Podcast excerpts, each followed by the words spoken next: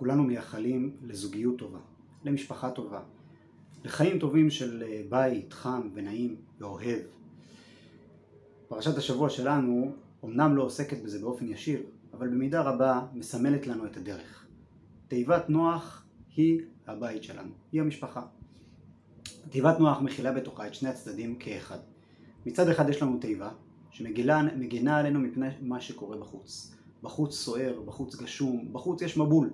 והמבול הזה בהחלט יכול להפריע לנו, לפגוע בנו, לשטוף אותנו, להוציא אותנו מדעתנו, להעביר אותנו למקומות שבהם אנחנו לא בטוחים שאנחנו רוצים להיות או לחיות. המבול הזה לפעמים גם מסוכן, לפעמים גם סוער, והמבול הזה מאיים על התיבה שלנו. הוא מאיים על התיבה ולכן אנחנו צריכים לבנות אותה היטב.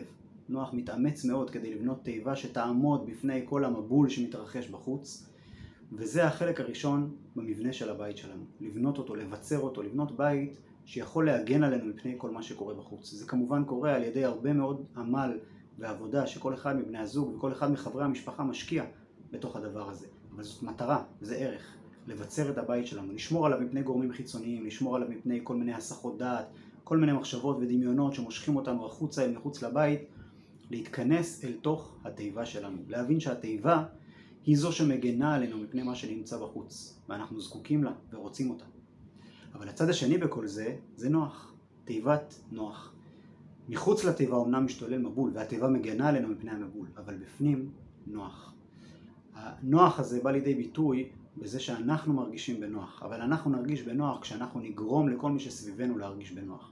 כלומר, אחרי שבניתי וביצרתי את התיבה שלי וגרמתי לזה שאני מוגן מפני כל מה שקורה מבחוץ, אני רוצה בפנים לייצר את האווירה הזאת של נוח, לייצר אווירה נעימה של אמון, של שמחה, של טוב, של נוח, שיהיה נוח לכולנו בתוך התיבה הזאת. האווירה הזאת לא נוצרת על ידי עצבים ולא נוצרת על ידי הקפדה ולא נוצרת על ידי כעס, להפך, היא נוצרת על ידי הרבה הכלה והרבה אמפתיה והרבה אהבה והרבה מילים טובות שמתרחשות בתוך הבית שלנו. וככה אנחנו מצליחים לייצר שילוב אידיאלי בין תיבת לבין נוח, בין ההגנה הזאת מפני מה שקורה מבחוץ, להרגיש שיש לנו בית, מצד שני שבתוכו יהיה מאוד מאוד נוח.